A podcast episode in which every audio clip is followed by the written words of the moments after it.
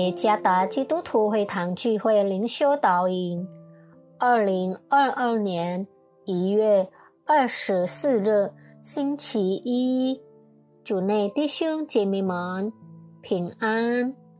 今天的灵修导引，我们会借着圣经约书亚记第二十四章第十五节来思想今天的主题。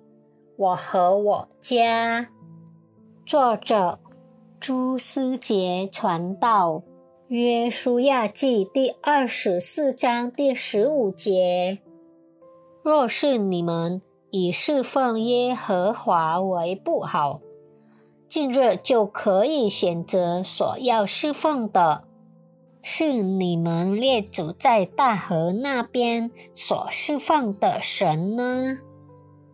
是你们所住这地的亚摩利人的神呢？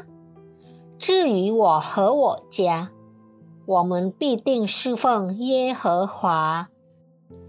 一千八百年代，在印度阿萨姆的地区，传教士来到那里传福音，渐渐的。这个内地部落的几个家庭开始敞开心扉，相信主耶稣。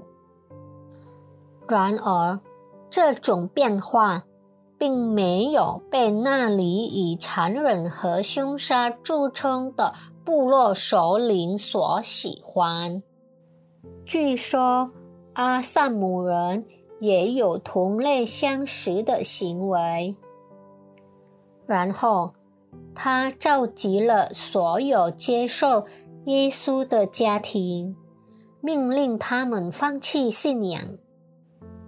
一家之主的诺生被部落首领挑战：如果你不放弃你的信仰，那么不仅你死，你的妻子和孩子也一起死。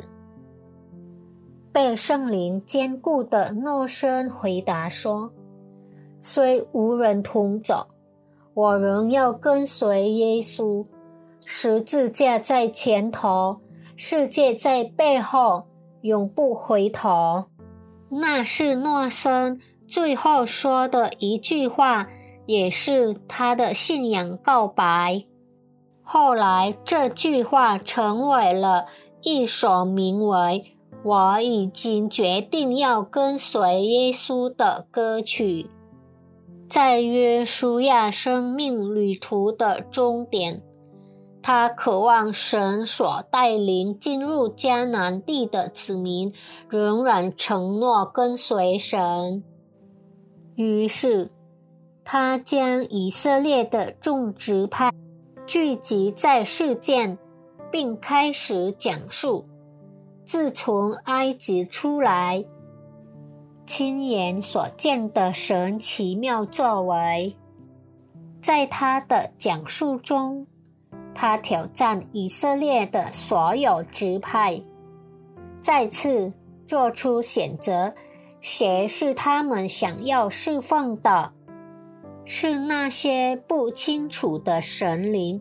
或是那在带领以色列人进入应许之地，证明了他的爱的神约书亚毫不犹豫地表明他信仰的决定。至于我和我家，我们必定侍奉耶和华。许多人开始时对跟随上帝充满热情。